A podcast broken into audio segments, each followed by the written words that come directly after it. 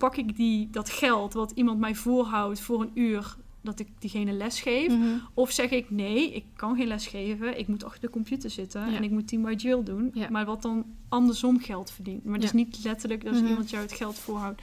En daar ben ik echt, eh, dat is echt een actuele struggle.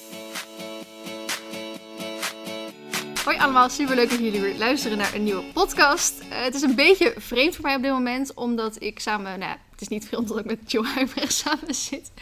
Maar eh, dit is de eerste podcast die ik opneem sinds november. Eh, maar dit is niet de eerste podcast die jullie luisteren. Dus daarom is het voor mij weer even inkomen. Ook al is het echt al de tweede of vierde podcast die jullie nu aan het luisteren zijn. Maar Jill, Ja, hallo. Met hond op schoot. Ja, de hond zat even te focussen op iets buiten, dus ik hoop dat hij niet heel de doorheen gaat bla- blaffen. Maar wij zijn hier echt al eh nou, twee uur. Ik kijk nooit op mijn horloge, dat scheelt. Oh ja, inderdaad. Ja, We moesten eerst even bijpraten, want we hebben elkaar echt al super lang niet gezien. Wanneer was überhaupt de laatste keer? ja oprecht. Ik begon meteen te denken aan wanneer de laatste keer was. Ik denk, horse event? Oh ja, dat zou wel kunnen. Toch? Dus dat is sowieso al anderhalf jaar geleden. Ja, de laatste Ja, horse event. Ik denk dat ik heb sowieso een jaar lang, tenminste sinds corona, al vrij weinig mensen Ja. gezien, zeg maar, echt die verder eh, opwonen bijvoorbeeld. Nou ja, Dus dan mensen, wij, wij zagen elkaar altijd met evenementen, dat is Ja. natuurlijk. En dat is er natuurlijk nu niet meer. nee. nee, dat klopt. Maar wij, nu zitten we eigenlijk wel een stuk eh, dichter bij elkaar. Ja. Het was maar een half uur rijden hier naartoe. Ja. dat, maar ik zat, ik wist wel dat jou, want je bent van een paar maanden geleden van stal eh, verwisseld. En je zat hiervoor in Helmond, toch? Ja. En dat is denk ik wel gewoon bijna anderhalf uur rijden voor Ja, mij. Dat is voor iedereen ver hoor. Ja, Dus maar- zelfs voor, eh, voor mensen uit Eindhoven. Ja, maar ook voor mensen uit Eindhoven. Het Helmond ligt heel vervelend. Echt heel vervelend. Het ligt echt heel moeilijk. Dus dat is echt totaal niet... eh, dus hemelsbreed is het vaak niet eens ver. Nee, precies. Maar uh, Maar toen jij mij het adres gaf, toen was het echt maar 35 minuten rijden. Ja. Wat? ja, Klopt dit? want ik zie altijd op de borden ook van... Oh, hier rijdt Vlien altijd buiten. en ja, maar oprecht. Want ik vind nou echt leuk om een keer... Want jij weet daar alle plekjes Ja. en zo. Dus daar gaan we het daar nog even over hebben. Oh. Ja, want eh, ik moet ook een keer goed buiten rijden. Ik heb daar geen goede skills voor. oh van jouw paarden of wil je Marley dan?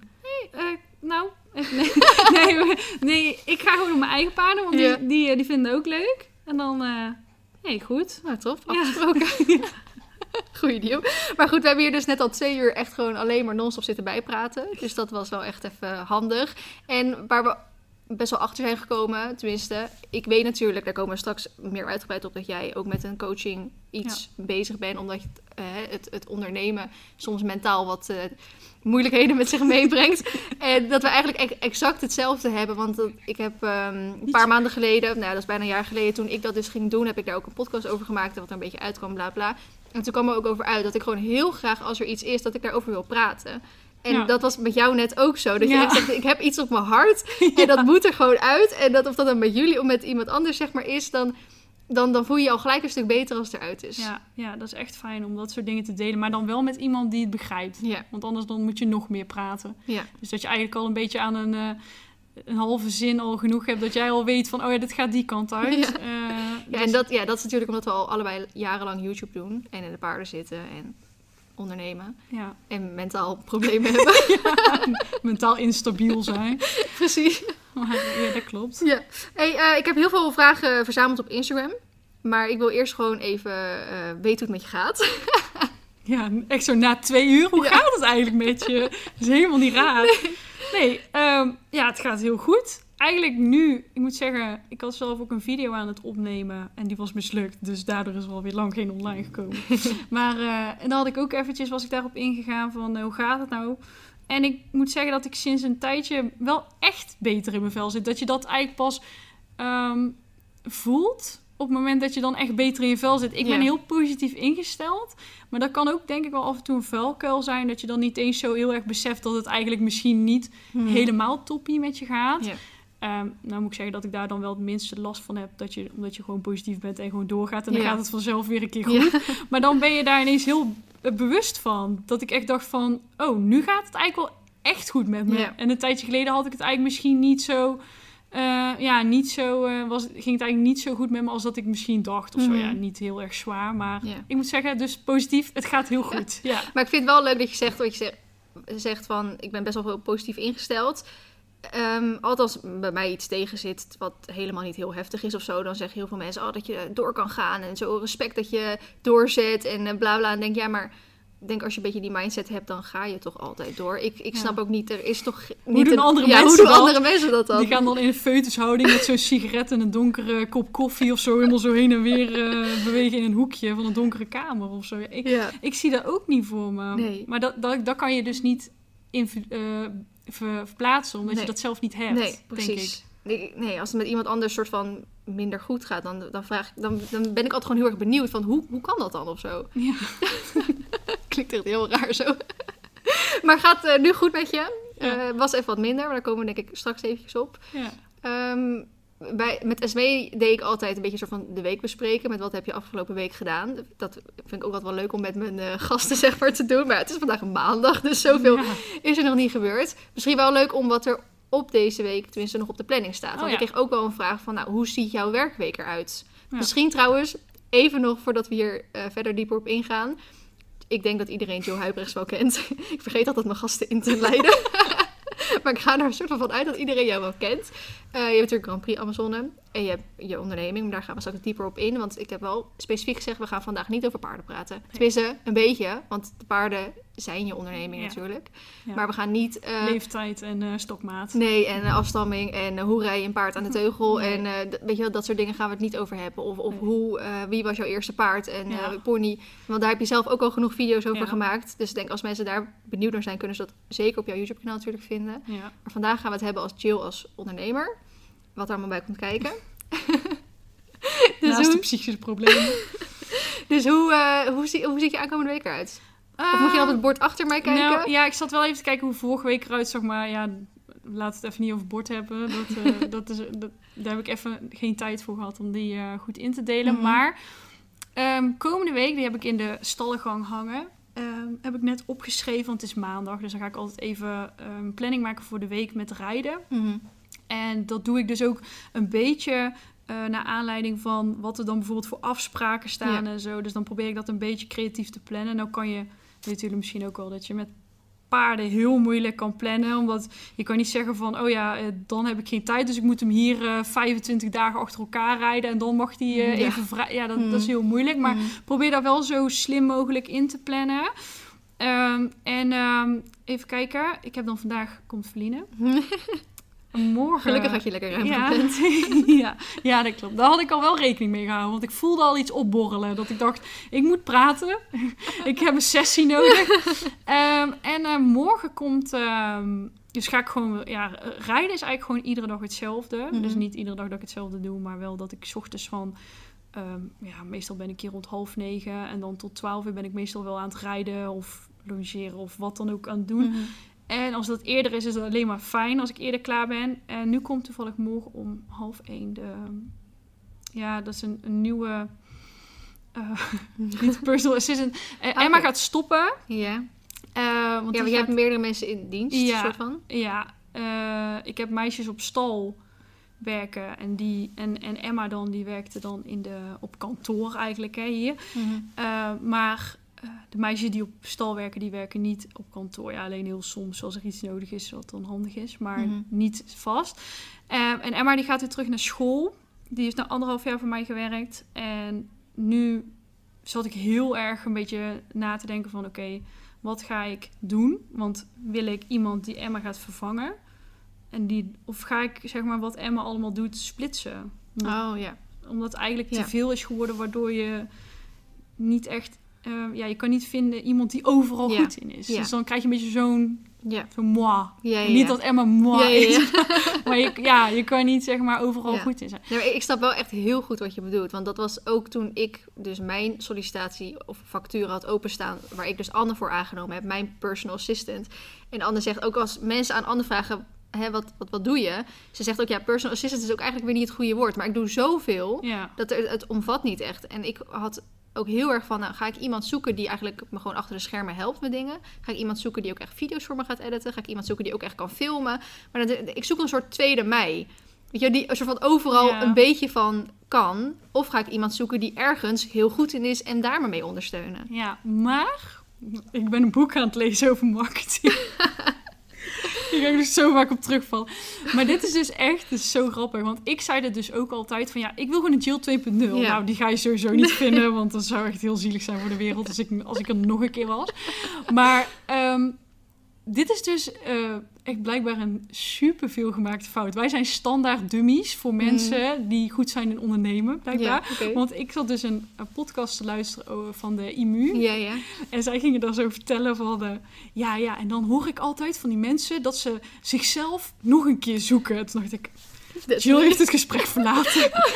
ja, dat is echt heel verscheurd. Dus wij zijn niet eens een ingewikkelde case of Nee, zo. nee, Dit is nee, gewoon blijkbaar dus dat heel veel mensen doen. Maar wat je dan krijgt, wat zij zeggen... dat je dus iemand krijgt eigenlijk die dezelfde kwaliteit heeft... Ja, als dat jij hebt. Ja. En eigenlijk is dat niet echt... Dan Niet heb je ook je dezelfde valkuilen. ja, ja. Dus Je zoekt Eh, eigenlijk iemand die jou aanvult op de dingen die jij niet kan of hebt. Ja. En dat heeft diegene dan ook niet. nee, precies. Ik vind het wel grappig dat je naar de IMU verwijst, want ik ben dus dat boek van hun, de online marketing Ik ook, tornado ja, of zo. Dat Ja, die ben ik aan het lezen. En die ben ik nu zeg maar, ik heb hem echt al vanaf het begin helemaal, heb ik hem al, maar ik kom niet door dat boek heen. Dus Nee. ik ben me nu zo aan het verplichten om Ja, hem te lezen. iedere avond zo. En ik zeg zo tegen, tegen sorry, ik wil die Anouk noemen.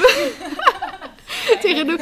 Ja, maar ik, vind, ik heb Anne en Noek. En als Ja, ik, als ik jullie een soort samen wil voegen, dan krijg ik dus Anouk. Maar ik zeg ze tegen Noek van de week, toen ik dat boek aan het lezen was, ik ben een internetpannenkoek. Daar ben ik nog niet bij de hoofdstuk.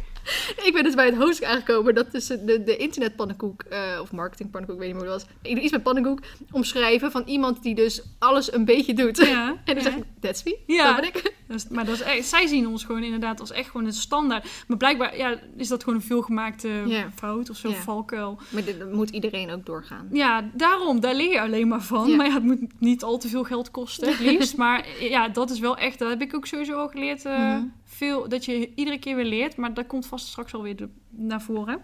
maar in ieder geval, dus eh, morgen komt iemand praten die dan eigenlijk over het secretaresse deel gaat. Oké. Dus dat is een beetje de korte variant Ja. daarvan. Eh, en dan woensdag heb ik Riders Club lessen smiddags. Uh, Team by Jill Riders Club. Mhm. Komt vast ook wel weer vooruit, voorbij dadelijk eh, nog wat dieper op in. Ehm, en dan, die zijn hier trouwens, die lessen. Dus ik heb verschillende locaties. Nu is dat toevallig hier, dus dat Mhm. is fijn. En dan donderdag gaan we voor de nieuwe app. We Oh. hebben een gesprek. Spannend. Ja. En, eh, Daar ook later wel of niet meer over. en, eh, Een soort inhoudsopgave van deze echt, hè? podcast. Ja, echt. Ehm, en vrijdag eh, heb ik volgens mij, oh ja, met iemand die mij helpt met marketing. En weer een afspraak. En de tandarts voor de paarden komt. Oh ja, moet ook gebeuren. En wat doe je in het weekend? Ehm, heb ik lesklanten. Ik wil zeggen, lui op de bank? Of Nee. is het... Nee. Sowieso 's ochtends rijden. En dan Mhm. eh, rijdt Stijn ook altijd op zaterdag en zondag. Dus dat vind ik altijd wel leuk. Dan komt hij naar stal en dan, ja, dan helpt hij mij een beetje. En ehm, daarna ga ik meestal les geven. Maar dat doe ik ja, één uurtje, zeg maar, een eh, vreemde. Hoe zeg je dat? Iemand van, ja, Buitenaf. ja, niet echt een vaste lesklant. Mhm. En soms dan vul ik dat op met nog iemand eh, die ik dan wel ken. Dus dan vind ik dat makkelijker. Dan is er maar één ehm, vreemde. Daar later ook meer over, over mijn eh, social... eh, Ja, social life. ja, dingen die ik niet heb. Nee, ehm, maar ehm, dus dat en dan ga ik smiddags wel proberen meestal een soort van, eh, weet ik veel, huis opruimen of zo. En dan, huis? ja, huis. en dan, Heb je nog geen schoonmaakster dan? Jawel, die hebben we. Nu, die gaat deze week beginnen. Oh. Op woensdag. Geef ook even de telefoonnummer aan mij, want ik heb die van mij een paar weken geleden ontslagen. Ik zoek nog een nieuwe. Oh mijn god, erg. Ja, dat is maar een half uur fietsen. Oh nee, tweeënhalf uur fietsen met de auto kan ze door. Ehm, en zondag, even denken dan, dan eh, alleen rijden. Dus dan Oké. ik probeer altijd in het, in het weekend wel, omdat Stijn dan vrij is, dan dwingt mij dat een beetje om eh, normale mensen dingen te doen. En ehm, dan probeer ik wel echt, ja, een beetje, weet ik veel, thuis te Ja. zijn, relaxen of zo. Ja. Vrienden afspreken gaat ook nu niet echt. Nee, maar dat is sowieso niet echt mijn ding hoor. Nee. Daar ook later weer over. ja, we hebben een paar keer voorbij horen komen, Team bij Jill. Dat is, ehm, is dat een onderdeel? Want ik heb best wel veel vragen gekregen van... Ja, wat, wat, ja, niet echt van wat doe je nou eigenlijk? Ja. Want ik denk dat iedereen wel weet wat je doet. Maar het is ook een beetje zoveel. Je hebt zoveel tentakels. Is Team bij Jill echt een soort van... De ja, moeder... eh, Octopus, hoe Ja. zeg je dat? Het hoofd. Het hoofd. En daar valt meer onder? Of is eh, het gewoon een van de onderdelen? Of hoe zie ik, hoe zie ik eh, ja, de ondernemer Ja. Jill vormen? Dat, dat, dat zoek ik zelf ook heel de tijd. Maar het idee is wel dat Team by Jill echt leidend is. Eh, wa- waardoor dat eigenlijk komt, dat het uit heel veel verschillende dingen eh, bestaat, is omdat ehm, ik heb best wel hoge kosten. Mhm. Daar heb ik mezelf ook op de hals gehaald. Maar ook ja, met de topsport en de paarden. Dat, je, dat ik eigenlijk heel veel dingen, dat zal je ongetwijfeld wel herkennen, dat je heel veel dingen gaat zoeken. Om geld gewoon Ja. te genereren als het ware. En je gaat ook een beetje je eh, Risico spreiden. risico spreiden. Ja. Eh, en gewoon kijken wat werkt en wat niet Mhm. werkt. En wat je leuk vindt en wat je niet leuk vindt.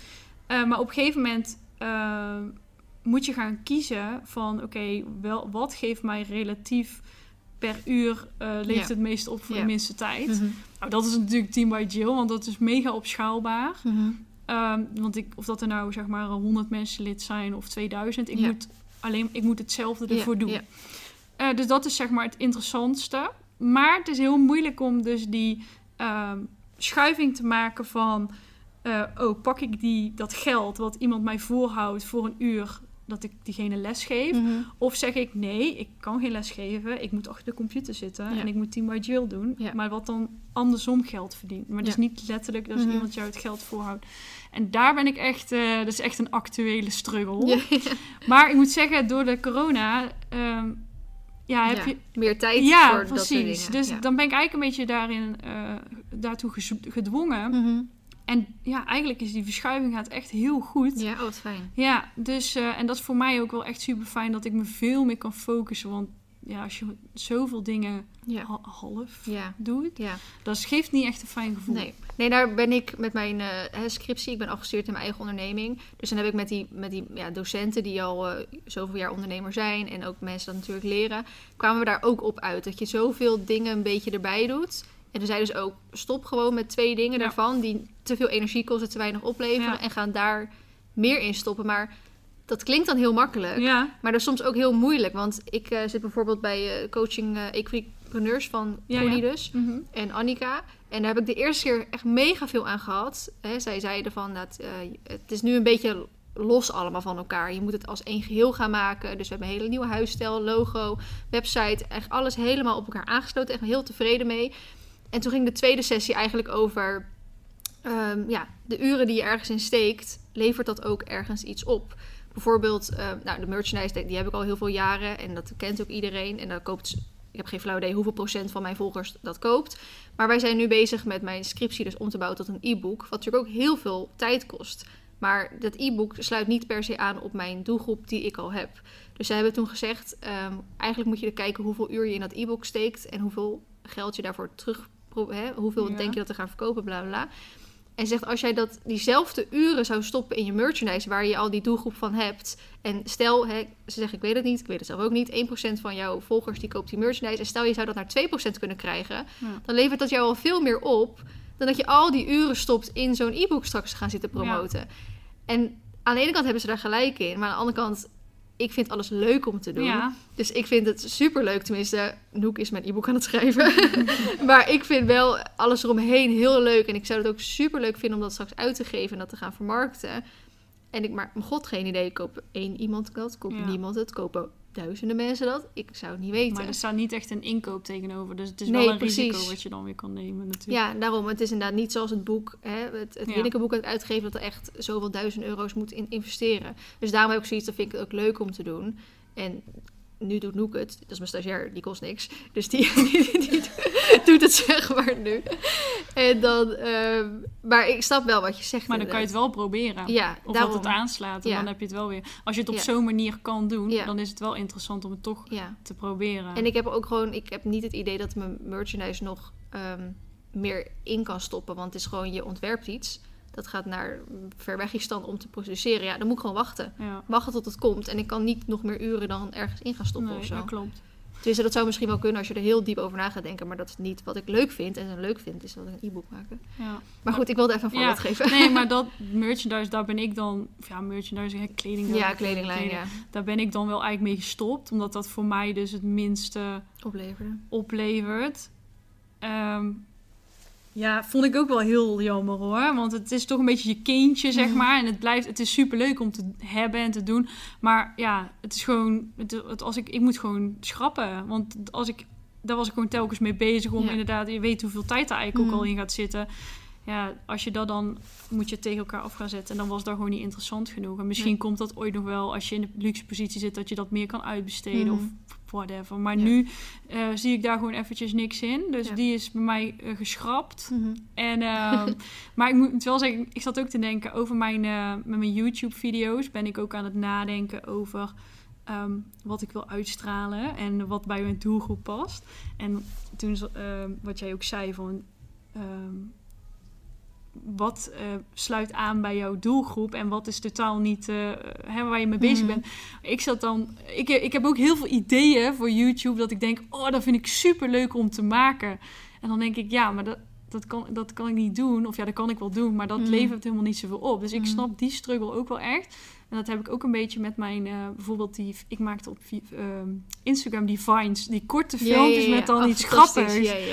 Maar dat vind ik eigenlijk ligt heel dichtbij want Mhm. ik ben wel een beetje met vervelen en eh, lachen en zo. Ja. Dat vind ik het leukste. Mhm. Alleen, ehm, ja, dat is niet per se waardoor mensen lid gaan worden van Team by Jill. Nee. Het is alleen waarom ze jou... Dat is soms zo lastig. Het is, je moet heel veel dingen doen die niks opleveren. Ja. Omdat mensen je of volgen of naar je kijken of wat dan ook. Maar die leveren inderdaad niet echt direct iets op. En ja, dat is wel lastig hoe je dan de balans daarin gaat vinden. Ja, want je moet toch je rekening betalen. Ja, Dat is het ja. allermoeilijkste. want dat is wat je net zegt. Dat zou ik super leuk vinden. Maar dat, is, ja, dat was leuk in onze tienerjaren Ja. toen we nog thuis woonden. En weet je wel, dat heel, Ja. we geen rekening hoefden te betalen. Maar nu ja, moet je gewoon ja, geld op de, op de mat komen. Ja. Maar ook wel, je doet natuurlijk sowieso... Ik vind die andere dingen ook heel leuk. Mhm. Alleen dan ga je meer... Dan moet je gewoon... Je moet gewoon iets zakelijker denken. Dat is het eigenlijk een beetje. Ja. En dan, geen idee, misschien kunnen... Als we gewoon loaded zijn binnen... ja. dan kan je gewoon allemaal die andere Ja, dingen gaan Dat, dat is de droom. Dat was de laatste vraag voor je om een rijtje. Wat is je droom? doen. Oh. Loaded zijn en gewoon alleen nog maar leuke dingen doen. ja. Maar oké, eh, Team bij Jill. Dat is natuurlijk een online training. Ja, is het trainingsplatform of lesplatform meer? Ehm, nou, het is eigenlijk gewoon... eh, het is, ja, ik, ik plaats rijvideo's op van... van eh, ik rij dus voor. Doe eh, met mijn paarden... En er zit een community gedeelte aan. Dus ja, voor mij mag je het noemen zoals je wil. Maar het is dus in ieder geval met trainingsfilmpjes en eh, community eigenlijk aan elkaar gekoppeld. Ja. En dan, oké, dus heb je dat gedeelte. Je hebt lessen geven. Toch? Ja, Ja. gewoon, gewoon hè, echt gewoon zo. In het echt, ja. In het echt lessen geven. Dan heb je je, je clinics eigenlijk. Dat is natuurlijk ook een soort lesgeven, maar dat is weer net wat anders. Ehm, leveren de paarden jou zelf nog geld op? Want we weten dat iedereen die een paard heeft, weet dat paarden alleen maar geld kosten. Ja. Maar is, zijn de paarden zelf ook een onderdeel van jouw onderneming? Buiten dat ze natuurlijk een rol in, in de video's en Team by Jill en zo spelen. Ehm, nee, niet direct. Sowieso niet. Nee, het is een beetje zoiets van... Ja, als je heel zakelijk... Dus die zakelijke keuzes maken... dan zou het wel interessant zijn om eh, af en toe afscheid te nemen van... hé, maar ik probeer dat heel erg te voorkomen. Dus ik probeer zeg maar niet op dat punt te hoeven te komen... dat ik er eh, eigenlijk... eh, dat het zou moeten. Ehm, Dus jij rijdt niet per se Grand Prix voor het geld, of zeg maar ja, Nee. voor, het, voor het werk. nee. Want, want ik heb bijvoorbeeld ook een podcast met Demi van Nikkele Kuiper opgenomen. Zij is een stuk jonger dan dat wij zijn. En zij is nu ook, huurt ook iets. En die heeft echt trainingspaarden in dienst. En die rijdt inderdaad zoveel paarden per dag. En dat is echt haar bedrijf, zeg maar. Wel haar, zij doet ook meerdere dingen erbij, maar dat is haar harde kern. Ja. Maar dat is bij jou dus niet zo. Nee. Je hebt ook niet de intenties om dus paarden van mensen te gaan trainen of te, in te kopen, handel te gaan doen, dat soort dingen. Nee, ik, dat komt denk ik straks nog wel voorbij in een van je vragen. Want toen dacht ik daar aan, maar ik, eh, ik wil liever niet doen wat de meeste mensen doen. Ja. Daar hou ik, dat is zeg maar even de, ja, dat is, Ja. dat is de strekking van het antwoord. Ja. Oké. Ja, dat doen de meeste mensen Ja. in, de, in de paarden. de- ja, en ik dacht, eh, ik had er van een afstandje, kon ik dat mooi bekijken, omdat ik Mhm. mijn studie deed. Toen dacht ik van ja, als ik in de paarden wil, dan moet ik wel iets anders gaan doen. Ja. Dus eh, Ja, daar komen we denk ik straks ja, wel- Maar zijn de dingen die ik net omvat heb, of tussen net genoemd zijn, omvat dat alles wat je doet? Of zijn er nog meer ja, Ehm, bronnen van inkomsten, om het zo te zeggen? Ja, nou ja, dan eh, er komen wel eens mensen ook twee dagen hier trainen. Mhm. Want ik heb natuurlijk de stallen, dus dan eh, kan je je paard meenemen. En dat is, eh, ja, ik, ik ben meer van twee dagen dan drie, drie dagen kon ook. Maar Mhm. ik vind dat best wel zwaar, eerlijk gezegd, voor Mhm. een paard. Als je drie dagen echt volle bak les en dan ga je een beetje concessies doen van... Ja, vandaag doen we niet, maar je betaalt wel. Zeg maar. Dus vandaag doen we niet zoveel, maar... Mhm. Dus twee dagen. En ehm, ja, ik zit al. Ik, ik vind je dat niet zo? Dat als je mensen aan je vragen wat doe je nou eigenlijk, dat je Ja. dan nooit erop komt. Dat je denkt, waarom heb ik het eigenlijk zo druk? Lijkt wel alsof ik helemaal niks doe. Maar dat is wel inderdaad... Je hebt ook eh, heel veel losse dingen, toch? Ook in, de showperiode dat je een keer een showtje geeft. Ja, of een dat keer dingen, dat. ja. En een keer misschien een gastles. En een Ja, keer dit of zo. Heel veel die losse dingen. Nee. Maar, maar inderdaad, soms met publiek en zo. Ja. De- dat klopt. Dat, ja, of inderdaad een, een, een demo of zo. Maar dat is maar echt sporadisch Ja, ja. hoor. Dat Maar is goed, niet- hetgene waar jou eigenlijk jouw bedrijf om draait is lessen geven. Of dat nou online, Online is- is of in ja. het echt, zeg maar. Daar gaat eigenlijk. En hou je daar ook je passie uit? Gewoon echt mensen helpen om verder te komen? Ja, maar voornamelijk online, omdat het dan de meeste mensen kan bereiken. eh, en echt kan laten zien hoe ik het wil. Je hebt heel vaak als je les geeft, dat, eh, dat, je, dat, je, denkt, weet je wel, dat je denkt van oh, zo ziet het eruit. En dan probeer je dan met je, met je ehm, ja, door te vertellen en alles te, te laten zien of zo. Hè? Te, te- Mhm. hoe noem je dat? Ehm ver- verbeelden? Nee, eh, ja, zeg maar als het ware dat mensen het voor zich gaan zien, zeg maar. Eh, en alleen ja, dan kan ik het ook echt laten zien. Mhm. Dus ik kan gewoon, ik wil eigenlijk, dus ik zoveel mogelijk mensen eh, wil laten zien dat je op een, ehm, als je het goed technisch traint, dat je heel ver kan komen met wat voor paard dan ook. Ja. Of dat het een eh haflinger is of een KPN, dat boeit al helemaal niet. Nee. Dat je maar gewoon zo, dat je echt goed moet leren paardrijden en dat je Ja. daar ook moet in investeren. Ja. En ja, ik vind het gewoon leuk dat je dan heel veel mensen bereikt tegelijk. Ja. Duidelijk. Hey, jij, hoe lang doe je Team bij Jill nu? Ja, daar moet ik even over nadenken. even denken hoor.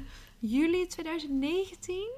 Dus wel echt, tenminste waar ik een beetje op doe, is je bent echt lekker voor corona begonnen ermee. Ja, joh, al lang. Ja. ja. maar heb jij, ehm, corona is natuurlijk maart 2020 begonnen, dus dit was al, liep al best wel. Ja. Heb je door corona ook gemerkt dat dus meer mensen lid worden? Of dat het, loopt het gewoon eigenlijk wel een beetje zo door? Of, je bent eigenlijk, je ziet dat nu heel veel online platformen ontstaan door corona. Maar jij hebt het daarvoor al gedaan.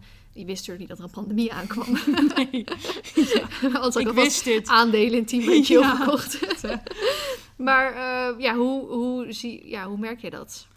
Ehm, ja, het loopt wel gewoon heel goed door. Maar ik weet natuurlijk niet hoe het was geweest als het niet zo... eh, dus het, ge- het, er zit wel gewoon een groei in. Maar Mhm. ik weet niet of dat het zeg maar minder was geworden als niet corona was gekomen. Maar ehm, ik moet zeggen, ik heb heel erg eh, eh, explosieve groei gekregen voor... Of in april van dit jaar, omdat ik het tarief verhoogd had. Ja, ja. En toen konden mensen nog eh, net voor het, eh, Voor het oude tarief, ja. konden ze lid worden.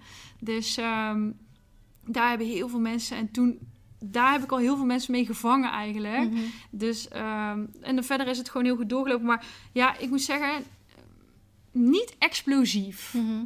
Oké, Gewoon goed, ja, zeg maar. prima. En voor de rest, want een van de vragen was natuurlijk, hè, dat vraag je aan elke ondernemer op het moment.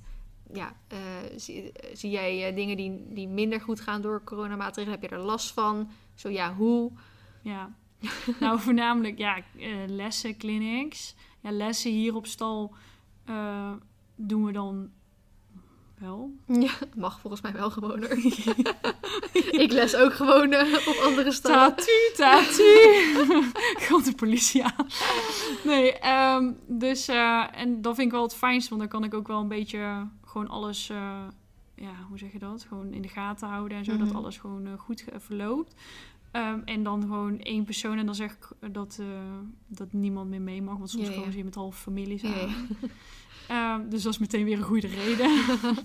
Ehm, maar eh, ja, dus dat is wel. Maar voor mij is het alleen maar fijn dat dus de clinics eigenlijk even zijn weggevallen. Ik heb er wel. Het is een beetje hoe je het interpreteert ook, de, de regels. En dat verandert natuurlijk ook weer per maand. Mhm, Dus ja. dan wordt het weer ineens soepeler. En dus ik heb wel gewoon nog wat clinics gehad. Maar nu, in het vooruitzicht, ja, ze, mensen durven bijna niet echt te organiseren. Vaak is het toch op maneges Ja. of pensionstallen en zo die denken, ja, We wachten wel af. en ja, allemaal weer. polonaise voor niks, zeg maar. Ja. Dan, eh, ja, dat, je gaat het toch meer doen omdat het leuk is. Niet omdat je Mhm. allemaal extra risico's gaat nemen in deze tijd, Nee. zeg maar. Dus dat is wel eventjes eh, minder, maar dat geeft me wel meer de ruimte om dus aan Team by Jill te werken. Mhm.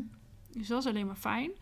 En om een beetje dus die eh, switch te maken van meer offline, nee, meer online Mhm. en minder offline, zeg maar. Meer in Ja. het echt Ja. lesgeven. Ja. Dus, Maar eh, we hebben net even over gehad.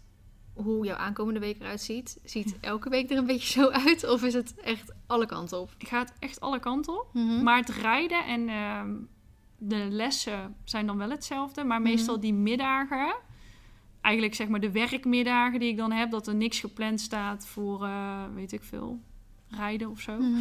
Dan ehm, die vul ik eigenlijk altijd gewoon in eh, met werk. En het, e- de ene keer is dan een gesprek met een sponsor die langskomt. Of eh, ehm, een overleg over weer eh, groter eh, worden van je bedrijf. Net als Mhm. zo'n app. Of ja, noem het maar op. Maar dat is dus Ja. eigenlijk wel iedere keer een Ja. soort van anders, maar wel ergens Wel altijd een hetzelfde. soort van rode draad Ja, de ja, heen. Met af en toe een gesprek met die en dan weer met die. Ja. Ehm, nou, we hebben het al over een stukje over je Grand Prix leven gehad. Op dit moment zal er weinig wedstrijd gereden te worden. Heeft dat nog van invloed eh, voor de rest op je bedrijf? Of eigenlijk alleen als jij als ruiter? Ja, niet echt.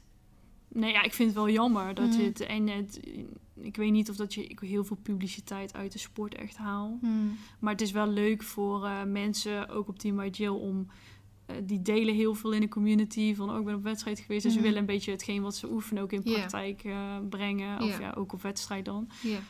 Ehm, ja, verder heb ik daar niet echt... eh, Heb je daar zelf nu moeite mee met het trainen van je paarden? Ja, ik kan wel af en toe de motivatie wel een beetje verliezen. Dat is met het ene paard meer dan met het andere.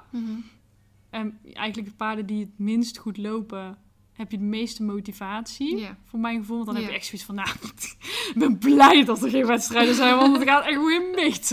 Dit moet hij nog en dat moet hij nog. En- maar, ehm, dus dat heb ik dan. Eh, maar ja, ik probeer ook maar gewoon wat minder te doen of zo. Want Mhm. die jonge paarden krijgen dan wel eh, meer de kans om ook gewoon... Ja, er is toch niks. Nee, nee, En je nee. kan niet vooruitwerken of zo met die paarden. Ja, dat, dat werkt niet. ja, dat zegt mijn moeder altijd. Je kan niet vooruitwerken met paarden. Zo, dat gaat Ja, niet. nee. Dus ja, Ik merk zelf ook dat ik echt een soort...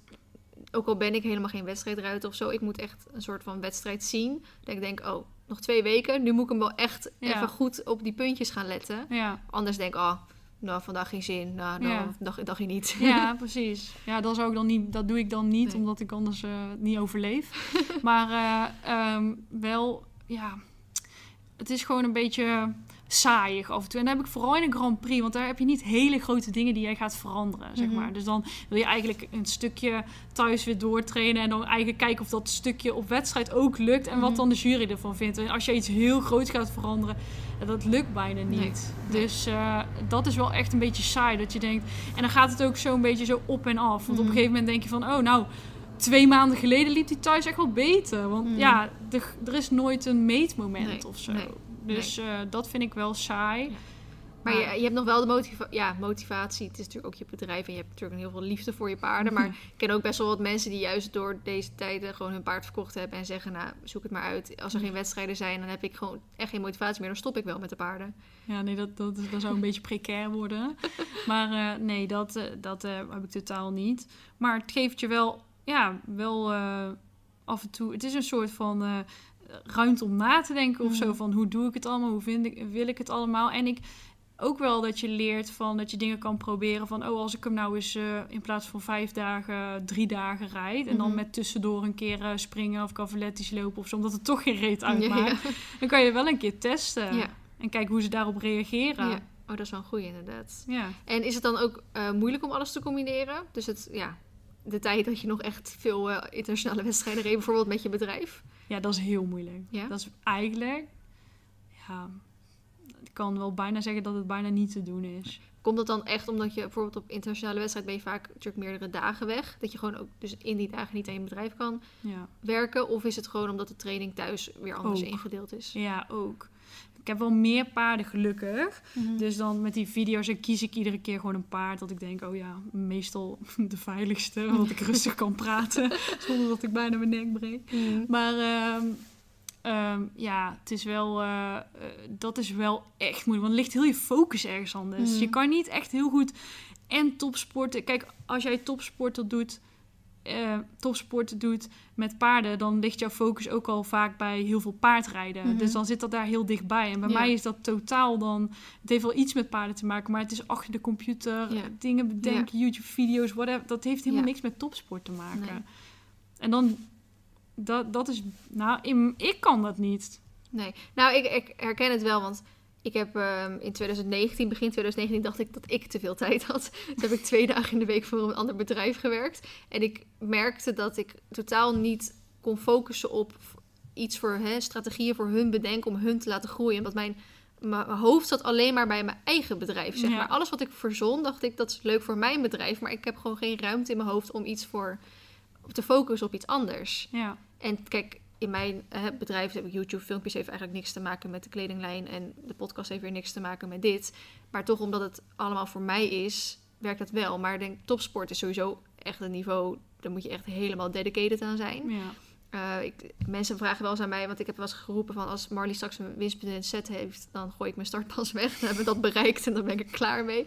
Maar gewoon omdat ik merk dat dat niveau, moet je gewoon het management om je paard al een stuk meer, kijk, topsport is natuurlijk nog meer, maar zet is ook echt wel weer van, nou dan moet je echt wel regelmatig trainen, dan moet je dit en dit, dit doen. En Ja. ik betrap mezelf op, ik heb daar niet de discipline voor. Nee. Dan staat hij weer een maand stil, dan, staat hij, dan gaan we weer vol aan de bak, dan weer dit. En denk, dat vind ik niet eerlijk om dan op dat niveau elke keer weer hè, van dik, dikke fjord naar weer zet eh, dressuurpony, zeg maar, Ja. om te scholen. Dat vind ik zelf niet leuk en voor hem denk ik ook niet. nee.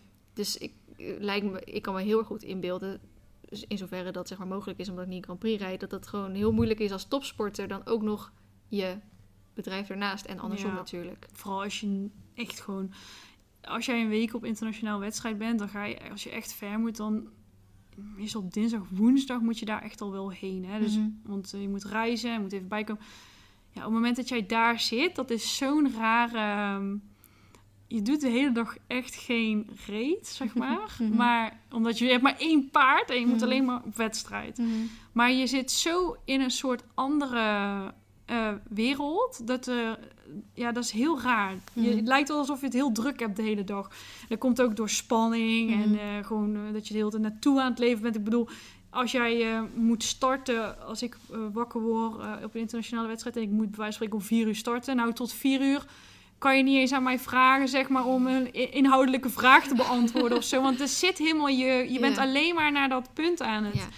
Ja, Ja, maar focussen je wil natuurlijk ook niet dat je tijdens je proef in één keer die inhoudelijke vraag in je Ja. opkomt. Ja. Denk, oh, ik had eigenlijk dit moeten beantwoorden. Van nee, je hebt, hoe lang duurt zo'n proef? Zeven, Zeven minuten, minuten, of zo. Moet je echt gewoon volle focus ja.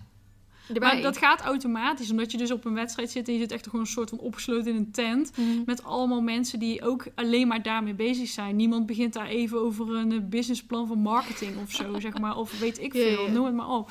Maar ehm, ik vond dat altijd wel heel leuk. Maar dat, ja, dat is echt wel heel moeilijk te combineren. En dan ben je echt een soort van even van woensdag tot zondag gewoon van de radar. Mhm. En als jij echt, echt weer topsport moet doen, dan moet jij dat bijna wel iedere maand een week doen. Ja, dan, dan ga je failliet, denk Maar, ik. maar betekent dit ook dat als we straks corona ooit weer weg is of anders kan, dat je dan ook geen internationale wedstrijden meer rijdt of wel gewoon? Ja, daar zit ik heel erg in ja, te stoeien van eh, ja, hoe. Dat, ik denk dat je dan heel erg vooruit moet werken. Dus dat je zoveel ruimte creëert om de andere. Kant. Ja, Ja. dus in die andere Mhm. weken die over zijn. Dat je Mhm. bijvoorbeeld vooruit werkt met Team by Jill en dat soort dingen. Dan Mhm. zou het wel kunnen. Maar je moet niet denken dat je in die tijd dat je daar zit. Eh, ja, tijd hebt om, eh, weet ik veel, om, dat, daar zit je hoofd in. Dat is Nee. een heel raar gevoel. Ja. Dat is net als, als je op vakantie bent, dan denk je toch ook bijna nooit... Als mensen dan bellen en zeggen van... eh, nou, het hele, je hele achtertuin is afgefikt of zo. Dan denk je echt, ja leuk, staat het huis nog? Weet je wel, dan boeit het je. Dat zit heel ver... Dan is het, ga je een soort van afstand Mhm. nemen. Ja. Dan ben je een soort van Ja. op een heel leuk ponykamp. internationaal wedstrijd. Een ponykamp of met je paard op vakantie. En dan Mhm. eh, met heel veel stress en zo. Maar ja, het is echt... Ik, als ik erover praat, dan krijg ik ook helemaal zo'n... Ik voel dat helemaal. Ja. Dat. Dus eh, ik heb dat zoveel gedaan... dat ik mis dat nu niet per se. Nee. Omdat ik dit ook heel leuk vind. Misschien nog wel leuker. Ja, en omdat natuurlijk... eh, de, de tijd dat jij op een internationale wedstrijd zit, verdien je geen geld. Nee. Tenzij je Het kost misschien geld. eerste wordt, maar ik weet niet hoeveel prijzen geld erin omgaat. Nee. En sowieso, dan had ik, dan was ik, eh, dan, dat, het, is, het hangt allemaal een beetje aan elkaar. Als jij eerste wordt op een internationale wedstrijd in de Grand Prix, Mhm. dan zit je denk ik niet op Team by Jill. dan, weet je wel, dat, ja. dat zou heel, ja, dat zou wel cool zijn. Ik ben wel voor, maar ja, dat is niet, dat, ja, zo'n Isabel Wert of zo, die wint dan eh, eigenlijk gewoon, dat je denkt, Hmm. is ze daar nou weer? Hoeveel paarden heeft die vrouw? Die is iedere week overal, maakt niet uit waar in Europa. Mhm. Ja, ja, dat is ook helemaal van top tot teen haren werk. Ja, ja. Een beetje kiezen eigenlijk. eh. Ja. Maar is paardrijden nog wel ontspannend voor jou dan? Mm, Nou, ligt eraan welk paard. Maar ik vind wel, nou, ik, ik probeer wel heel erg eh, dingen te doen, eh, zodat ik wel op, eh, echt met dat paard bezig kan zijn. Ik heb wel heel vaak, ik, dat zal je echt wel herkennen, dat je echt hele dingen in je hoofd Mhm. voorbij hebt. dat je denkt van, oh, dit moet ik dadelijk opschrijven als ik afstap. In ieder geval, dat heb ik al. En dan roep ik Kimberly. Dan zeg ik, wil je even naar mij appen? En dan appt ze naar mij wat ik allemaal tijdens het rijden bedenk. Ja. En dan... eh, Zo slim eigenlijk. ja, en dan zie ik dat. Dan staat dat appje nog open. En dan verwerk ik dat wel als ik weer ga rijden. Ja. Want dan laat ik het los. Dat is Ja. net als dat je s'nachts ligt te malen en dat je het dan Ja, opschrijft. Nou dat doe ik dan ook tijdens het rijden. Mhm. Maar ik moet zeggen, het is zo ingewikkeld over het algemeen dat ik niet echt ergens anders mee bezig ben. Dus dan ben ik wel echt aan het focussen. Ik doe ook nooit met telefoon rijden of zo. Ik heb echt een hekel aan mensen die... eh, zo, eh, ik maak nu de beweging van naar je telefoon kijken en stappen. Zie dat vind ik echt heel irritant. Met instappen, uitstappen. Ja, of eh, tussen je cap of zo. Ja, dat doen meer springruiters, denk ik. Maar als ik ook nog eh, heel af en toe heb ik wel eens een keer dat ik ehm, dat ik dan een filmpje of zo heb van dat ik op een paard maar dat is echt dan heb ik hem ook echt die keer bij me want dan is het echt heel zo van eh, oeh Ja. maar dat helpt dan denk ik ook wel Ja. Maar het is meer ik rij ja ik kan wel ontspannen tijdens het rijden omdat je heel erg bezig bent met ja met iets Ja. Ja. ja, je kan niet even je kopje ergens anders... eh, Nee, met, hebben. alleen eh, sommige paarden die werken niet echt op je ontspanning. Maar eh, dat is dan meer eh, hoe scherper die paarden en zo. En in de Mhm. winter heb ik daar wel meer... eh, in de zomer kan ik wel iets rustiger zitten, zeg maar. Ja. Hey, ehm, ik had de vraag gekregen, welke opleiding heb je gedaan en welke zou je aanraden binnen de paardensector? Maar jij hebt eh, helemaal geen paardenopleiding gedaan en je hebt hem ook niet afgemaakt, toch? nee, nee, ik zou niet doen wat ik heb gedaan. Nee, ik zou ook niet doen wat ik heb gedaan. Goeie vraag, nee. Maar eh, ik heb de PABO gedaan. Ja. Dus, eh, de, dus dat is eigenlijk eh, basisonderwijs. En Mhm. ik was halverwege mijn scriptie. Toen dacht ik, is het met kinderen? nee, ik, eh, ik heb gewoon echt het bijna afgemaakt. Tot het Ja. laatste. Maar Ja, wel bizar hoor, dat je dat niet even nog... nee, eh, zo ben ik. Ja. Ik wist ook gewoon nooit, ik wist mijn hele leven al dat ik nooit een diploma zal halen. Dat wist ik gewoon altijd. Ik zag iedereen afstuderen. Toen dacht ik, nee hoor, dat gaat mij nooit gebeuren. Ja, dat is niet voor mij. Maar nee, dat is niet voor mij. maar ik, ehm, ja, ik had toen ik, je bent zo jong als je allemaal keuzes al moet maken. En ik ben ook in Deurne geweest. Dus eh, ik heb een masterclass gedaan. Mhm. Ander een jaar, zoiets. Dat Mhm. duurde twee jaar. Mhm. Eh, en toen was ik heb eerst VMBO gedaan, toen HAVO. Toen eh, ben ik naar Deurne gegaan. En toen dacht ik, nou, het getal 39 schrijven voluit, dat, dat geloof ik wel. Toen ben ik naar de PABO gegaan. En het laatste jaar dacht ik echt van, waarom ben ik zoveel moeite aan het doen voor iets wat ik gewoon matig kan? Terwijl ik iets supergoed kan waar ik helemaal geen moeite voor hoef te doen. Dat is Mhm. gewoon, ja, natuurlijk, zeg maar. En, eh, ja, toen, en ik vind ook gewoon, de wetten zijn wat veranderd en zo in Nederland, waardoor het wel zeg maar, minder aantrekkelijk werd om, eh, om leerkracht te worden. Mhm. En ehm, ja, gewoon, ik vind ondernemen, ik werd ouder en toen was ik veel meer aan het ondernemen. En inderdaad ook tijdens dat ik op school zat, allemaal aan het bedenken van wat ik allemaal wilde doen en zo. Ja. En toen dacht ik van, ja, hoe hard ik ook werk, ik blijf gewoon juf dan. Ja, Ja, dat past niet echt bij mij. nee. Dat was echt shock. Ja, Dus toen heb ik in januari eh, ben ik eh, echt zo half gillend op school gaan zitten en zo mijn moeder erbij. Want ik moest ook wel fulltime afstuderen. Dan Mhm. was het ook wel Mhm. dat ik daardoor heel erg ging twijfelen. Mhm. Ehm, omdat je, ja, je moest al fulltime leerkracht zijn, maar ik zou nooit fulltime gaan werken. Nee, nee, snap ik. En als, hè, als je nu tegen iemand van, nou ja, hoe oud zijn ze altijd als ze een beetje moeten gaan kiezen, 14 of zo? Dan moet je ook je vakkenpakket gaan Ja, dan kiezen. ben je 5, 14 of 15 jaar. Als, je, als, als iemand heel graag in de paarden wil, wat zou je diegene kunnen adviseren? Jill zit me nu echt aan te kijken, van stel Ja. me deze vraag Ja. niet. Nou, meer, ik zou, ja, ik, ik weet niet of dat ik nu dan ervoor zorg dat paardenopleidingen daar ook niet meer bestaan. Maar je hebt, je hebt geen opleiding nodig in de paarden om iets in de paarden te bereiken. Nee. Dat is, staat totaal los van elkaar. Al had ik nooit niet eens iets van een paard. Je kan jezelf gewoon verdiepen in paarden, eh, zeg maar, zonder dat je een paardenopleiding... eh, Je Mhm. kan, eh, weet ik veel, je instructeursdiploma halen. Je kan, ja, noem het op. Mhm. Daar heb je geen, dan zou ik altijd een gedegen opleiding zoeken waarin jij je breed kan, ehm, hoe zeg je dat? Ja, Ja, breed kan scholen. scholen. kan, ja. die zocht ik. Van, ja, zodat je altijd alles kan. Want het Ja. is natuurlijk niet echt een hele solide basis om Nee. eh, in de paarden... Ja, ik denk altijd als je soort van echt niet weet wat je wil, maar je wil echt heel graag in die paardenopleiding, dan zou je natuurlijk wel iets van een paardenhouderij of iets om een beetje soort van de tijd te vullen. Maar anders, eh, ik weet bijvoorbeeld van de marketeer die bij Cavalor zit, die zegt we komen echt, echt mensen tekort die echt goed in marketing zijn in de paardenwereld. Ja, Dus stel je hebt een affiniteit met paarden, maar Ja. ga gewoon even een marketingopleiding Ja, volgen. De banen liggen echt voor jou oprapen straks. En zo zijn er natuurlijk nog heel veel verschillende facetten. precies. Maar dat is, dat is een beetje hetgeen wat ik zei. Van, je moet niet doen wat iedereen doet. Ja. Doe, ga iets anders verzinnen. Ga een koppeling maken vanuit een andere... Inderdaad, een andere branche. Wat super interessant kan zijn. Waarbij je ineens gewoon, gewoon het, de banen voor het oprapen liggen. En ook gewoon ja, echt leuk is om te doen. Eh, in plaats van dat je iets gaat doen wat iedereen doet. Dat, ja, dat is niet een goed idee. Nee. Nee. Oké, ehm, nou, de, de volgende vraag was: wat houdt jouw onderne ja, onderneming nou eigenlijk precies in? Maar die hebben, hoop ik, toen is het nu wel een beetje kunnen doen. Eh, hey, je, je had het net over dat je op school allemaal dingen aan het bedenken was. Eh, hoe ben je dan ook als ondernemer gestart, gestart? Of wat was je eerste stap richting het ondernemen?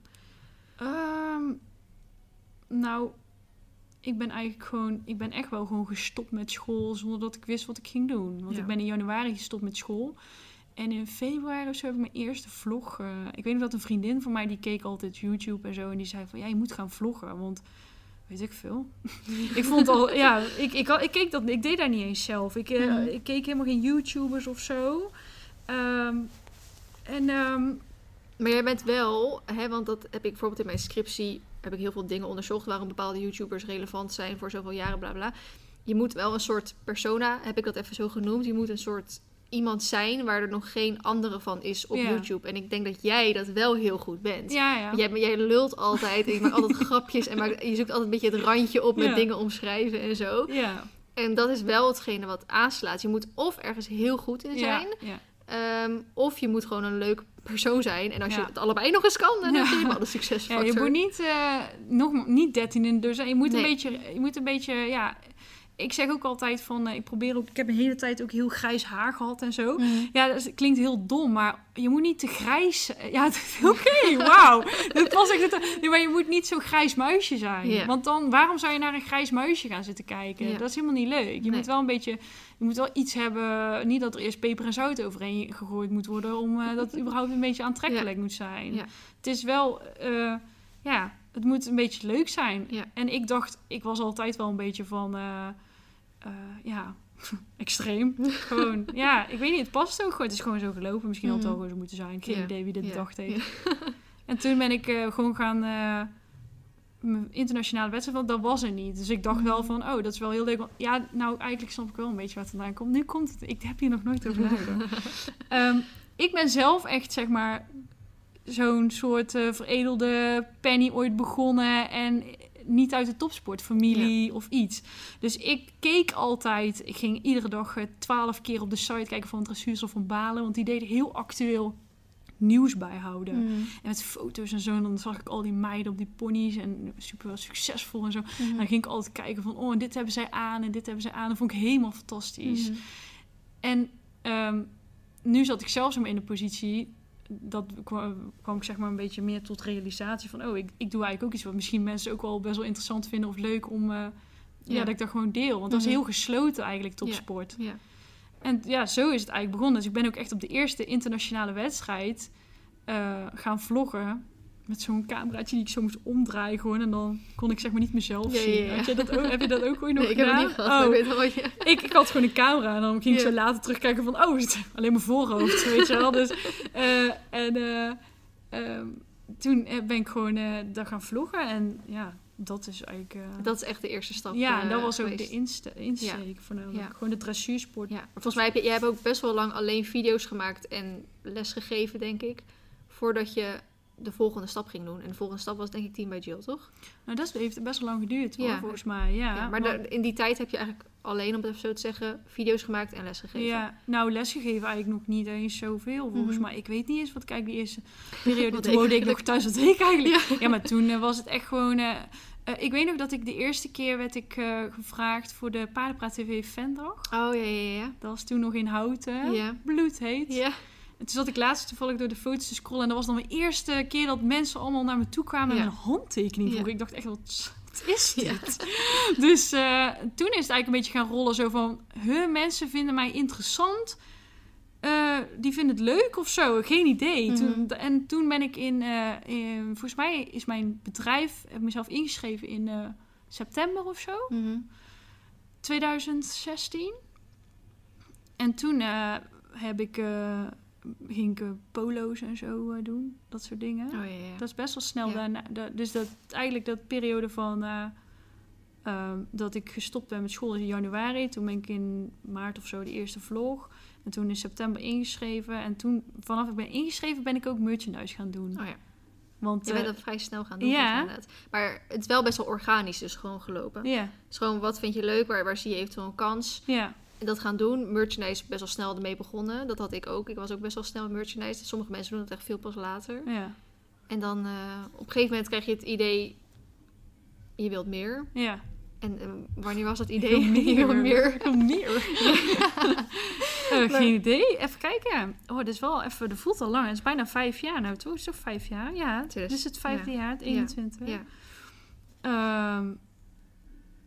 Ja, ik denk altijd een beetje in... eh, ik- ik, ben, ik heb wel... Wij komen wel echt uit een ondernemersgezin. Wij, Mhm. mijn broer en ik. Ik Ja. weet niet waarom ik wij zei. maar... eh, ehm, ik, ik eh, niet namelijk. ja, dus nee, daarom. in mij. ja, Feline, wij. Nee, eh, en ehm, ja, ik weet niet, het zit gewoon erin dat ik heel het ga bedenken van, oh, hoe kan ik nou, ik wil heel graag, ik heb een droom en die wil ik waarmaken. Dus Mhm. dat zie ik al heel lang voor me, al, ja, jaren eigenlijk. Mhm. Ook al toen ik nog gewoon eh, Maar wat is die droom dan? een eigen stal. Ja, oké. En dat wil ik gewoon bereiken. Dus Ja. ik ga heel bedenken, dat vind ik helemaal Ja. leuk. Ja. Van hoe ga ik dat doen? ja. Oh, dat is wel een goeie eigenlijk. Je hebt gewoon een stip aan de horizon gezet. Ja, Wat ga je doen om daar te komen? ja, zoveel mogelijk geld verdienen. ja, dat is eigenlijk, ja. Heb je wel nodig om een eigen stal te kunnen. Ja, precies. En daardoor beginnen. ga je heel bedenken van... wat is nou een heel goed idee... Wat, waardoor ik met zo min mogelijk eh, inspanning... zoveel mogelijk geld kan verdienen. Want wat is bijvoorbeeld de volgende vraag? Waar zag je kansen?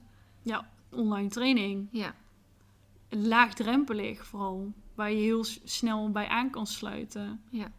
Want... eh, oh, en wat ik ook heel interessant daarbij vond... dat is echt wel de insteek geweest. Dat zei ik dan altijd als ik ging iedereen mijn verha- eh, ehm, idee vertellen.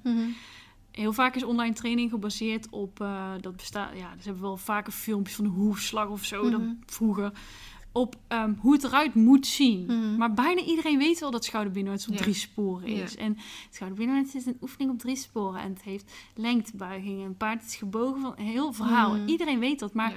waarom loopt jouw paard dan met zijn hoofd helemaal Ja. zo te kantelen? Ja. Waar gaat het mis? Ja. Snap je? Ja. Dus als jij dan alleen maar gaat uitleggen hoe het moet, Ja. hoe het hoort, Ja. dat, dat snap je wel. Ja. Als je de, Maar dat is hetzelfde als dat we naar clinics kijken op evenementen van een Grand Prix die iets voor moet doen. Ja, en denk, ja, maar ik wil gewoon, ik heb een fjord. ja, Ik heb een dit en dat. Ik wil zien hoe mijn fjord, mijn haflinger, mijn normale KWPN, ik wil zien hoe die het moet doen. ja, precies.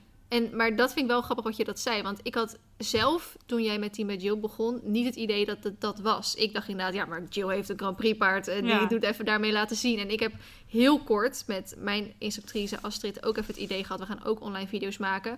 Want eh, met Marley loop ik tegen deze dingen aan. En dat eh, schets misschien iets meer de recreatiepony, zeg maar. Dan kan Jill een beetje dat, dat zeg maar, Ja. platform aanhouden. Dan ga ik zeg maar een beetje die kant op. Nou, dat was best een leuk idee, maar er is echt nooit iets van gekomen.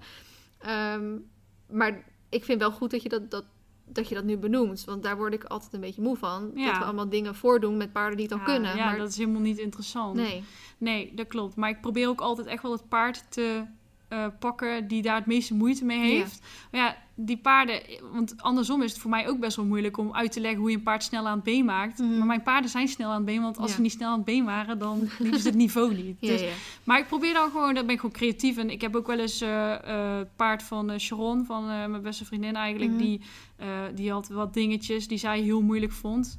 En dan ga ik met hem een soort casuspaard, zeg maar. Dan ga ik met hem die filmpjes maken. En dan kan ik het ook echt goed laten zien. Ja. Ja, wel leuk. Of net zoals met Kikker, toch? Dit Ja, ja bijvoorbeeld kikker. Ja, die kon helemaal niks eigenlijk. Nee, die was alleen een beetje zadelmak en een beetje... Had hij wel dingetjes gesprongen, maar dressuurmatig was hij gewoon door springruiters... Ja. soort van een beetje opgeleid. Ja. En dat vind ik dan, pak ik eigenlijk kikker. Die staat dan ook vaak ingedeeld daar, omdat Mhm. ik dat het ja, makkelijkst vinden om het ook uit Ja. te leggen. Maar heb je dan ook niet op een bepaald moment dat al je paarden op een bepaald niveau lopen? Ja. En dan heb je dus geen paard meer waar je dat soort dingen Ja. mee kan uitleggen. Ga je er dan weer een jong paard bij kopen? Of... Nou, dat gaat van, automatisch eigenlijk, want uiteindelijk komt er daar ook wel weer een jong paard. Dat staat Mhm. wel weer op de planning. Mhm. Ehm, omdat ik opvolging moet hebben voor de topsport, zeg maar. Ja. Dus en ik, ik benader het dan maar vanuit een jong paard opleiden. Dat je dan al die stappen ook weer doorgaat. En niet per se.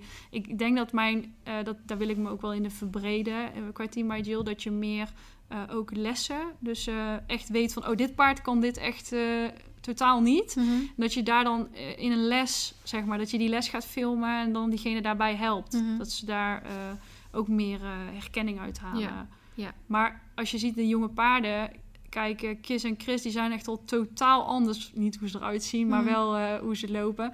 En die hebben allebei echt hun eigen valkuilen. En dat kan je best wel goed laten zien. Ik ben ook niet bang om te laten zien dat hij dat echt totaal niet kan. Ik heb Nee. ook filmpjes dat Chris echt alleen maar met zijn hoofd in de lucht loopt. omdat hij dat ook gewoon echt met losrijden heel dat hij doet. Ja, en ik denk dat heel veel mensen ook met hun paarden Ja. tegen dat probleem Ja, lopen. Ja, want ik had bijvoorbeeld, eh, toen ik Arena ging rijden, die liep al uit zichzelf in die houding.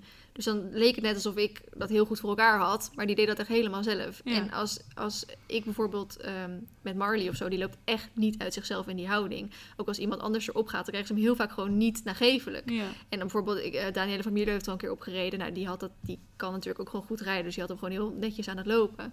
Ehm, maar dat is wel, ja, er moet eerst iets fout gaan, wil je het kunnen uitleggen. Ja. Hoe je het goed gaat kunnen krijgen. Ja, maar eh Team by Jill, dat is voor mij ook heel fijn. Ehm, is, dat is echt een super veilige omgeving. Dus ik durf daar ook gewoon te laten zien van... eh, oh, dit, is, dit gaat echt voor geen meter. En dan Mhm. valt hij uit de galop. En dan eh, hoe ik de wissels aanleer. Ja, dat ziet er echt... Er gaat echt bok en tabak door soms, zeg maar. Ja. Maar ja, ik vind het leuk. Ik kan zeg maar... Ik weet zeker omdat ik die ervaring heb, dat ik eh, drie maanden later een filmpje kan maken waar is die nu? En dat je het Ja. gewoon heel veel verbeterd ziet. Dus Ja. dat het ook werkt, wat Ja. ik op, die, op dat moment uitleg. Ja. nou, ik, dat vind ik wel grappig dat je dat zegt. Want ik ben dus begin deze maand bij Gert van Horen weer gaan lessen. Nou, dat ging niet heel goed. En toen ik dus die video ging editen, toen dacht ik ook echt van... oh, hier ga ik echt weer gezeik over krijgen. En terwijl ik het zelf ook zie, weet je wel. Dat is altijd een beetje het probleem. Ik weet dat het zelf niet goed gaat, maar andere mensen zien het ook. Die willen daar dan graag weer mening over geven. Dus heb ik eventjes gewacht. En de tweede les ging echt veel beter. En dan kan ik gelijk zeggen van... kijk, we hebben het eh, toegepast en de Ja. tweede les gaat zoveel beter. En dan bouw je toch een beetje die safe space voor me in... omdat ik het op YouTube plaats. Ja. Maar voor jou is het gewoon... kan je het ook apart van elkaar uploaden, omdat... Ja, omdat ik natuurlijk Grand Prix rij ook. Dus Ja. ik kan gewoon zeggen, ja, als jij het niet goed vindt, jij rijdt L1. Dus ja, je kan het wel zeggen, maar ik rijd Grand Prix. Ja. Dus heb jij dan gelijk of heb ik gelijk, Ja. zeg maar. Ja, maar ook omdat het die veilige omgeving is, zoals je Ook, omschrijft. is ook. Ja. Dat is ook. En ja, ik heb daar dus echt, ik had het daar straks ook al even verteld, ik heb nog nooit één reactie hoeven te verwijderen. Want ik, laat, ik stel me daar echt wel kwetsbaar op in die filmpjes. Dat ik tijdens het editen zit ik wel eens van, zo, nou, dit is niet mijn beste kant. Ik ben blij dat ik... eh, Ik moet niet op dumper Nee, terugkomen. nee.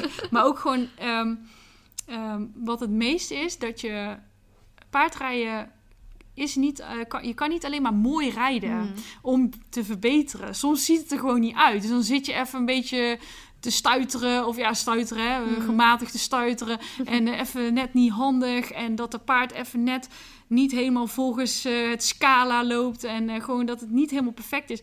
Maar dan moet je bijna altijd wel doorheen om tot wel een perfect iets te komen. Je moet echt durven ja, dingen te doen die misschien niet per se in de eerste instantie heel mooi zijn. Maar Nee. dat kan ik op Team by Jill wel echt Ja. doen. Nou, dat vind ik nogmaals weer heel leuk dat je dat zegt. Omdat ik dus eh, die video van met Astrid Hoppenbrouwers online had gezet. Daar had je een stukje Ja. van gezien. En Olympus is heel onrustig in zijn aanleuning. Meerdere redenen heeft dat. En toen reageerde ook iemand wel gewoon respectvol van...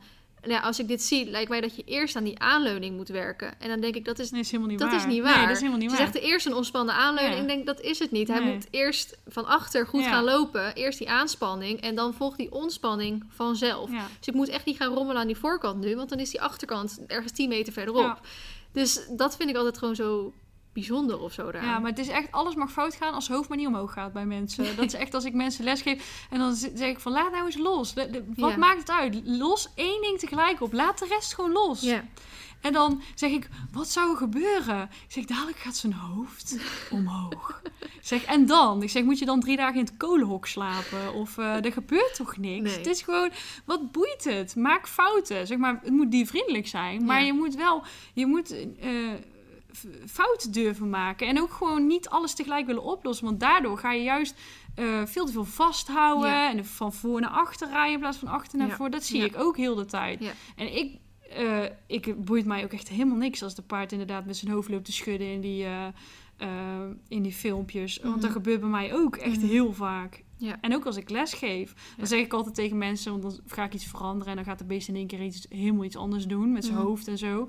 Want dan, en dan, eh, oh, dit doet hij echt nooit. Ik zeg, ja, ik zeg, eh, ik zeg, als je doet wat je deed, dan krijg je wat je kreeg. Ik zeg, als je hem welke teugels gewoon weer kort pakt en hem weer van voor naar achter aan het rijden bent, Mhm. gaat hij echt gewoon weer doen wat jij altijd doet. Mhm. Maar ja, je moet iets veranderen. Ja. Kan niet meteen van Nee. eh soort van wat zij dan enigszins oké vinden naar supermooi. Ja. er zit een Ja. tussenstapje. ja. En dan moet je soms even voor dingen voor inleveren. Ja, maar dat maakt toch helemaal niks Nee. uit? Nee, zeker niet. Hey, even terug. eh, Ja, we gaan toch altijd van het bedrijf weer terug naar de paarden. ja.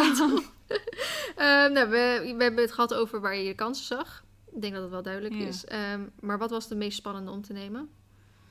Het mag natuurlijk niet alleen of bij Team bij Jill. mag ook zijn dat je bijvoorbeeld nu een eigen plek huurt. Ja, dat is altijd wel... eh, gewoon het financiële is altijd het spannendst, denk ik. De rest maakt me eigenlijk niet zoveel uit. Nee. Ehm, Maar als in, kijk, je kan natuurlijk ook een investering doen dat je één keer een paar duizend euro moet neerleggen. Maar je hebt natuurlijk nu ja, iets waardoor je gewoon elke maand komt het weer terug Ja. en komt het weer terug. dat is het spannendste, denk ik. Ja. Ja. Dat is wel echt... eh, nou, ik moet zeggen, ik ben er wel gewoon aan begonnen. Mijn ouders die werden echt helemaal gek toen ik dat gewoon ging doen. Die dachten echt, dit meisje is echt helemaal gek geworden. Eh, maar ehm, ja, ik heb het gewoon gedaan. En het is, ze hebben nooit iets bij... Ze hoeven niks bij te leggen of in te springen Mhm. of zo. Dus ja... Ja. En nou is dat voor mij al normaal. Dus dat was, ging Ja. meer over Helmond. Dat Mhm. kostte zeg maar net zoveel als Mhm. hier. Dus ehm, ja, Ik vind het toch altijd wel bijzonder dat, dat ouders soms echt helemaal denken: wat ben je aan het doen? En dan gaan wij er gewoon toch tegenin. ja. En dan wordt het een succes. En dan hoor je er zo ook in één keer niet meer over. nee, nee dat was, dan zei ze laatst uit zichzelf in één keer een keer van ja, wij dachten echt, eh, ja, ik weet nog dat ze dan, eh, dat ze, dat ze toen, dat we allemaal zaten te kletsen en zo van ja, maar hoe ga je dat dan allemaal doen en zo. Maar ja, als je het wil, ja, dat is ook niet, he- ja, heel breed gezegd, of ja, Mhm. heel makkelijk gezegd, als je het Mhm. echt wil. Mhm. Want ja, ik bedoel, ik had ook wel liever gewoon eh, weekend gehad. Maar ik heb mezelf helemaal uit de naad lopen werken, omdat ik per se dat wilde. Ja, Dus maar net waar je prioriteiten liggen. ja, ja, zeker. En welke risico's heb je moeten nemen? Ja, alleen eh, financieel risico. Dat ik dacht van ja, als ik het. Maar ja, altijd wel met een backup dat ik dacht van ja. Ja, want dat, dat was dus weer de volgende vraag. Wat was je backup plan? Ja, over zo'n stal. Ja, je kan altijd wel weer met je paarden ergens anders heen. Ja, Ik denk niet dat je daar dan heel erg naar je zin gaat hebben als het moet zijn. maar het je- kan. Ja, het is niet echt. eh, ik doe denk ik niet echt hele onverstandige gekke dingen. Want ik ben Mhm. wel heel erg controlfreak. Ja. Dus ergens, eh, ik weet nog de eerste keer, nou dat, dat vergeet ik gewoon echt nooit meer. De eerste keer dat ik die merchandise, die polo's moest eh, inkopen. Mhm. Dat je dan zo'n groot Ja. bedrag moet. Ja. Weet je dat ook nog? Ja, ja, ja. Dat je Mijn- echt denkt Mijn schoonvader die was in mijn investeerder. Ja, mijn vader, die had ook, had ik ook geld geleend. En ik zei van, ja, maar dit is echt super veel geld. En mijn vader zei, ja, maak nou gewoon over. Doe niet zo moeilijk, want die is ook gewoon ondernemer. En die was al gewend daaraan. Ik Ja. dacht echt, zoveel geld heb ik nog nooit op rekening gehad. Hoezo ga ik dit nou, hoe komt dat ooit weer terug? Ja. Dus, en nou ben je er dan al gewend. Ik weet niet of dat heel gezond is. Maar eh, Ik heb het ook altijd met, met vriendinnen die gewoon in loondienst Ja. praten. Dan gaat het over tientjes, Honderden, ja, euro. Dan zeg ik nou duizenden. ja, ja, precies. En dan zitten ze echt van, wat? Dit en dat. Ik zeg, ja, maar er komen duizenden binnen. Maar er gaan ook duizenden Precies, uit. precies. En ja, het, het, het moet niet zeggen dat het went. Want natuurlijk als ik in één keer een factuur krijg dat ik een paar Ja. duizend euro moet betalen, Nou. dan ben ik daar ook wel even ziek van. Echt? Maar het is wel wat normaler geworden. Ja, maar het, het is eh, heel typisch. Want ik zeg ook altijd, ik verdien per maand. Nou, dat, dat zou ik vroeger van gedroomd hebben. Maar ja. uiteindelijk hou je, zeg maar, ik zet het om. Mhm. Maar ik verdien bijna niks. Omdat de kosten ook zo hoog zijn. Dus je gaat in, gewoon in een ander level zitten met getallen. ja. Maar uiteindelijk blijft het ja, hetzelfde. maar uiteindelijk blijft het hetzelfde. doen Komen we straks verkeerd? even over de Belastingdienst. oh, wat een leuk stukje. hey, we zitten op een uur en vijf minuten. Ehm, heb je zoiets... Ik heb nog best wel wat vragen en ik vind het wel leuk om ze te stellen. Zullen we, zal ik de podcast gewoon in tweeën splitsen, Ja, zodat we hem in één rats opnemen? Ik stop de podcast even hier, omdat we echt ontzettend lang gepraat hebben. En was het beter idee om hem dus door tweeën te splitsen. Morgen horen jullie deel 2 van deze podcast. Bedankt voor het luisteren en tot morgen.